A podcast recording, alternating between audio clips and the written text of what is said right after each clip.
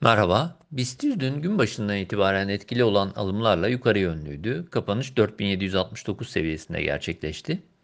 Endekste kısa periyot için direnç bölgesi olarak değerlendirdiğimiz 4600-4650 bandının aşılması sonrası yukarı hareket hız kazanmış durumda. Bu bölge üzerinde 50 ve 100 günlük ortalamaların da bulunduğu 4770-4785 seviyesi ara direnç olsa da Yeni yatay kanal bölgesi olarak değerlendirdiğimiz 4884-5030 bandının ilk aşama direnç bölgesi olarak gündeme gelebileceğini belirtebiliriz.